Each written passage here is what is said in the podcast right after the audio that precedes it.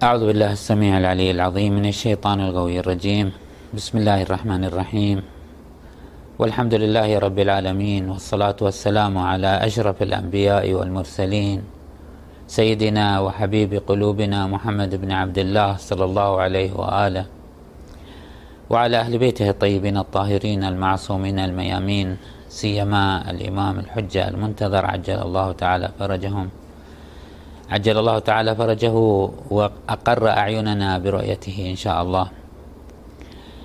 من الروايات المشهورة فيما يرتبط بالإمام الحجة عليه عليه أفضل الصلاة والسلام أنه أفضل الأعمال انتظار الفرج.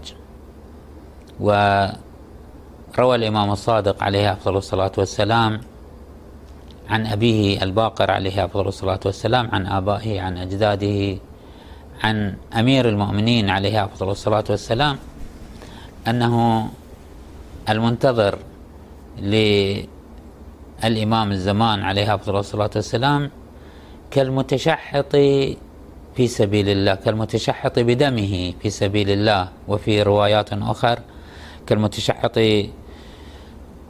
في سبيل الله بين يدي رسول الله في فسطاط رسول الله.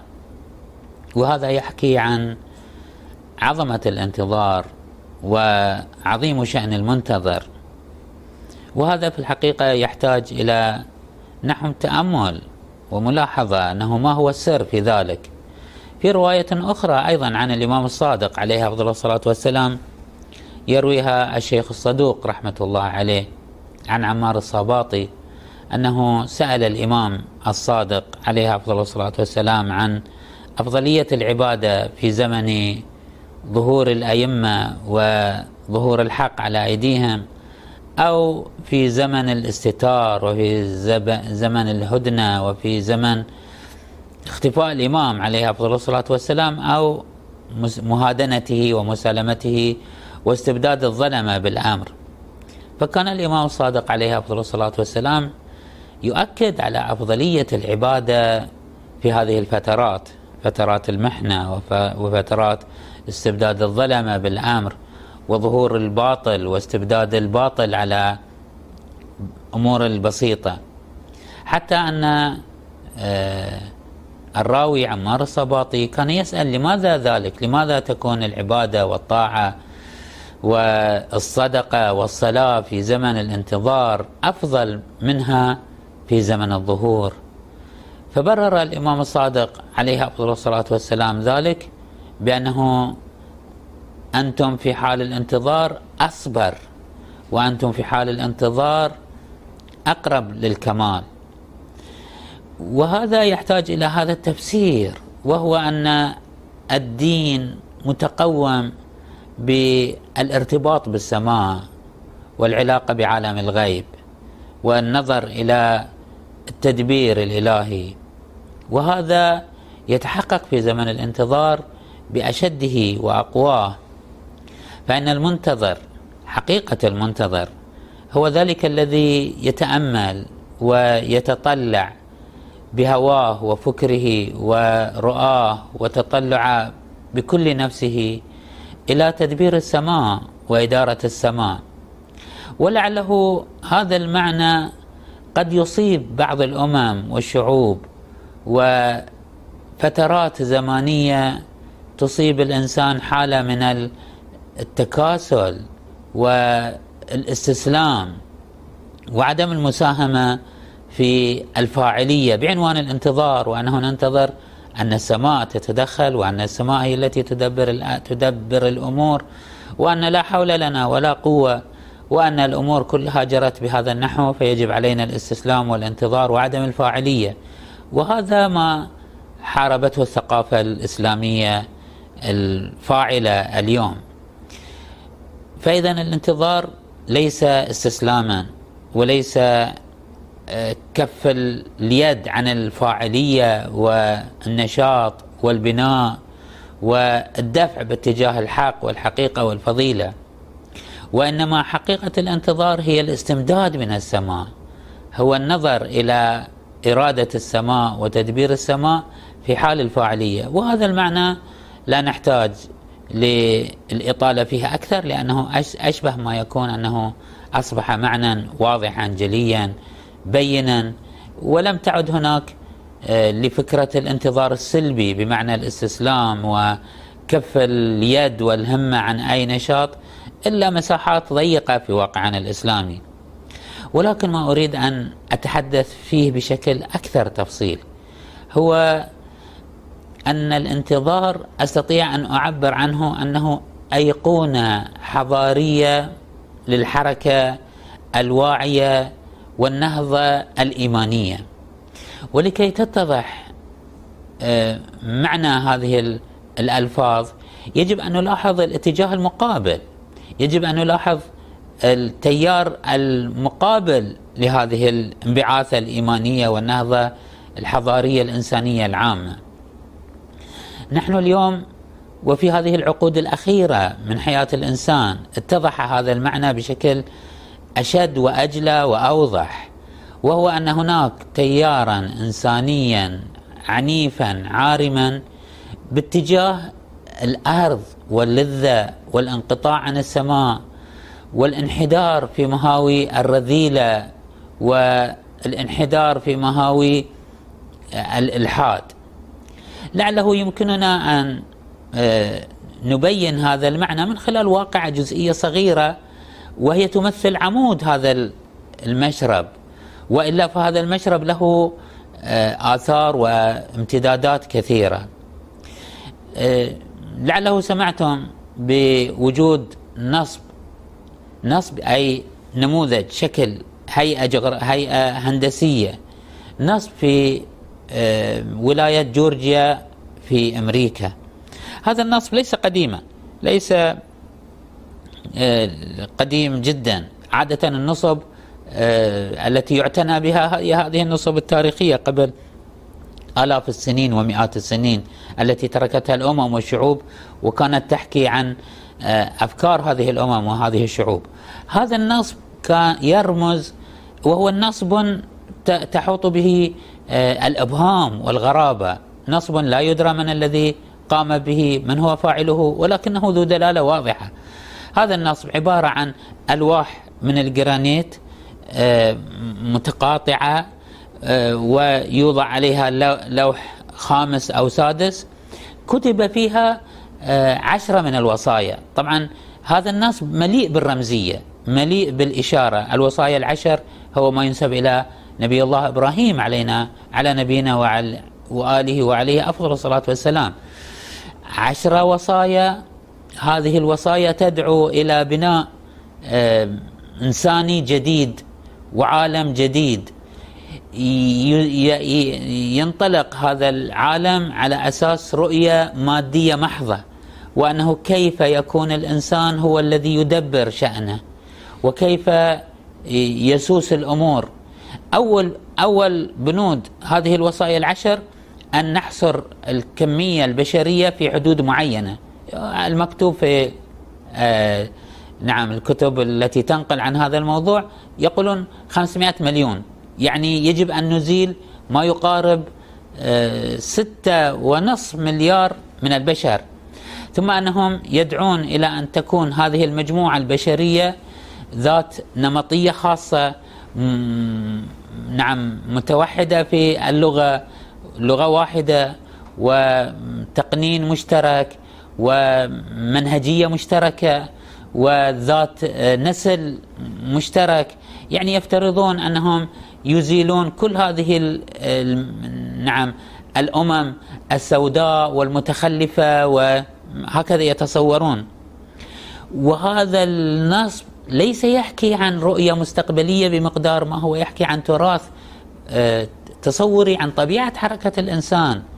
فإذا كانوا يتصورون أن الإنسان بدأ من كائنات بسيطة من خلية واحدة ثم آه، كما تطرح بعض آه، التصورات البشرية وأنه نما بشكل طبيعي وبشكل اعتباطي وقادته الحركة المادية إلى أن نما وتكامل حتى بلغ حالة الإنسان البدائي إنسان رجل الكهف كما يطرحون.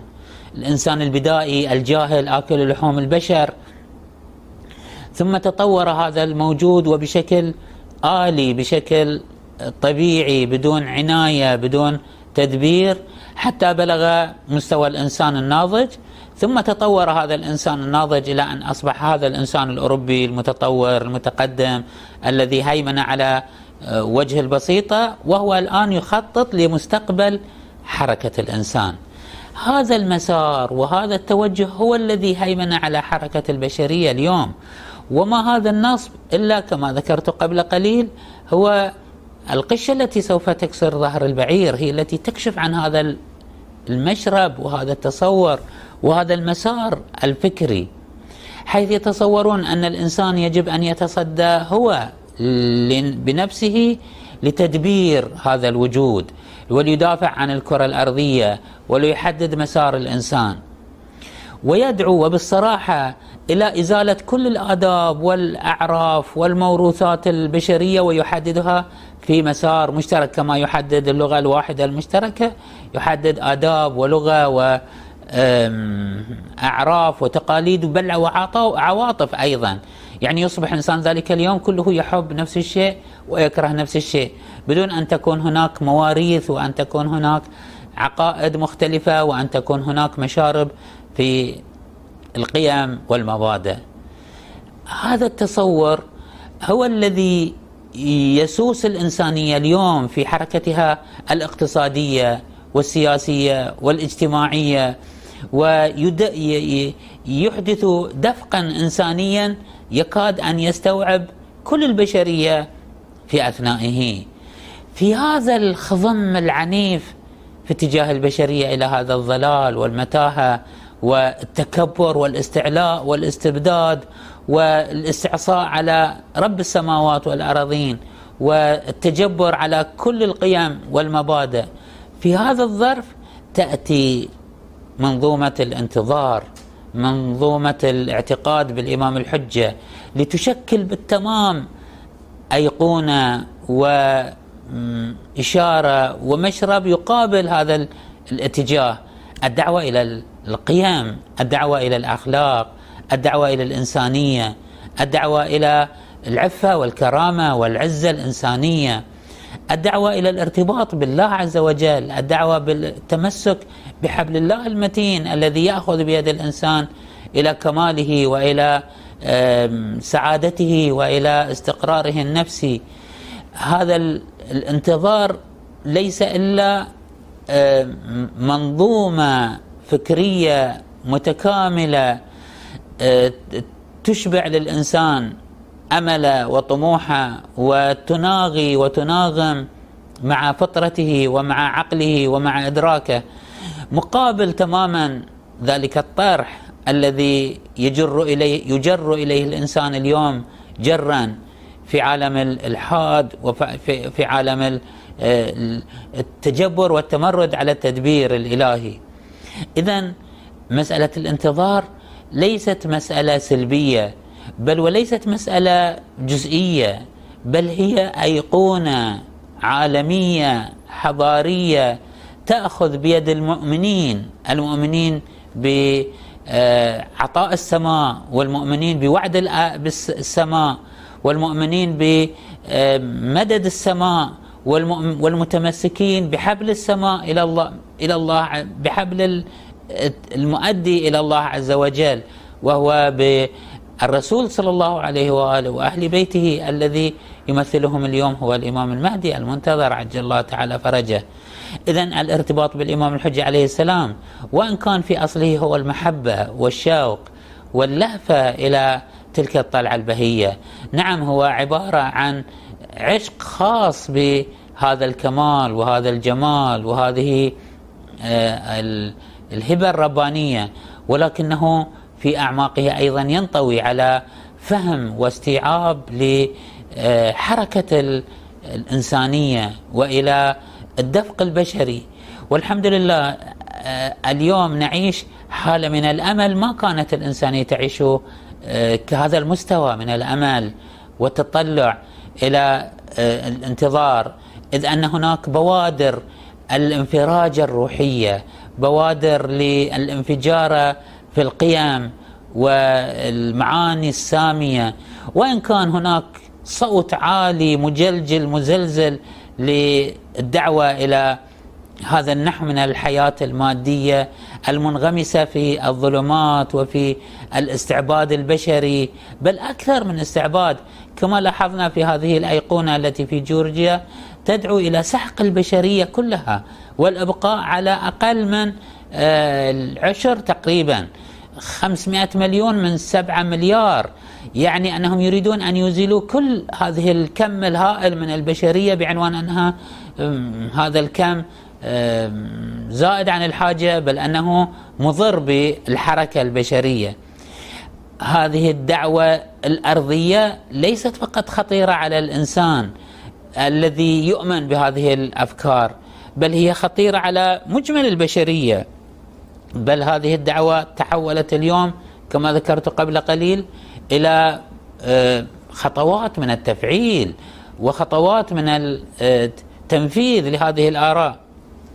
بل أنهم هم أهل هذا المشرب وأهل هذا المزاج ظنوا الظنون في بعضهم في أن هؤلاء كما لعله سمعتم ما أدري سمعتم أو لا أن هناك تهمة لبعض الملياردية من الناس أصحاب الملايين أنهم آه، نشروا بعض الأوبئة لبلوغ هذه هذه آه، الغاية.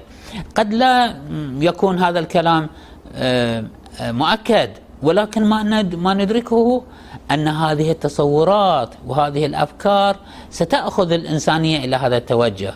وخصوصا أنه استتبت لهم الأمور خلال هذه 200 سنة الماضية حتى أصبحوا يغيروا أوضاع الشعوب والملل والمجتمعات ويزيلوا حكومات ويضعوا حكومات ولم يشعروا أن هناك قوى تواجههم. ما عادوا يشعرون ب أن هناك من ينافسهم في هذا الاتجاه. أصبح هناك عندهم امتلاء بالغرور والقدرة والمكنة حتى أنهم ما عادوا يفكرون في مواجهة أحد على وجه البسيطة فأصبحت مخيلتهم تخلق لهم أعداء من الكواكب والأجرام الخارجية يهاجمون الأرض فهم يقضون عليها. ما عادت هناك قوة تستطيع أن آه، تواجههم.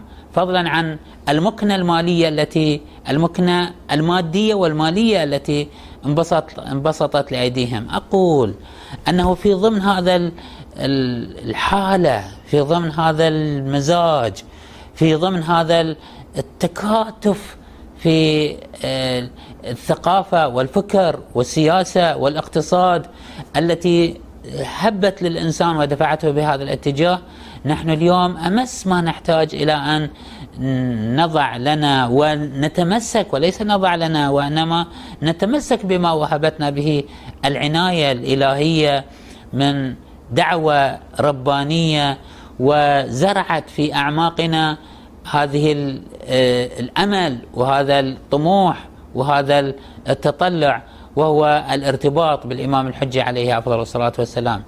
اذا الارتباط بالإمام الحجة منظومة أخلاقية فكرية اجتماعية سياسية تأخذ بيد المؤمنين إلى التماسك والتكاتف والأصرار على مواجهة كل هذه الهبة البشرية التائهة.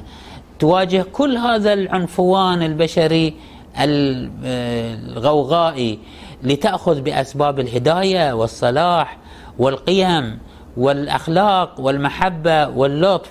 نحن لا ندعو إلى سحق أحد ندعو إلى توجيه الجميع. ندعو إلى آه، بناء الأرض وزراعة الأرض ندعو إلى ربط السماء بالأرض هيمنة القيم الأخلاقية والسماوية على الكرة الأرضية. وهذا ما سوف يتحقق إن شاء الله على يد مولانا الإمام صاحب الزمان عليه أفضل الصلاة والسلام.